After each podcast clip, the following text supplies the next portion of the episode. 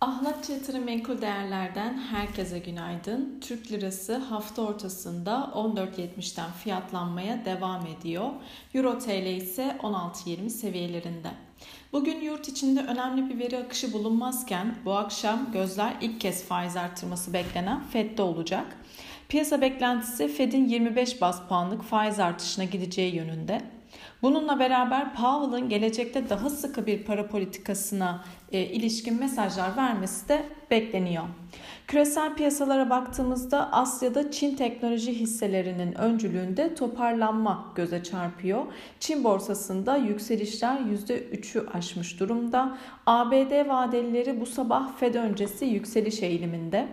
Petrol fiyatlarına baktığımızda Rusya ve Ukrayna arasındaki çatışmaya diplomatik bir çözüm gelebileceği beklentileriyle dün 100 dolar seviyesinin altını test etmişti.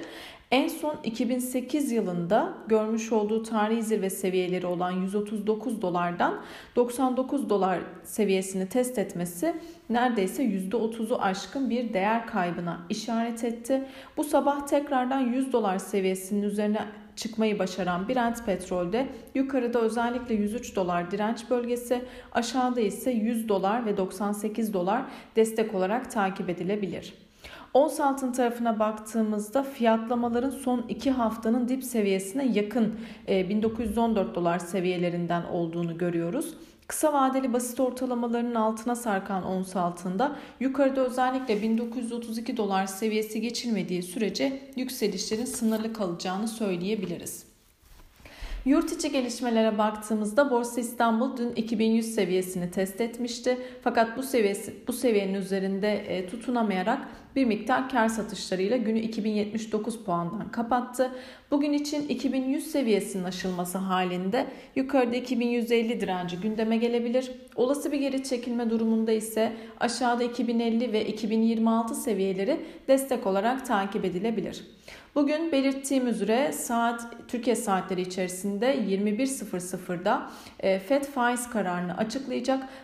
Akabinde 21.30'da ee, FED Başkanı Powell'ın konuşması takip edilecek. 50 bas puanlık faiz artırma ihtimali düşük görülmesiyle birlikte 25 bas puanla neredeyse kesin gözüyle bakılıyor.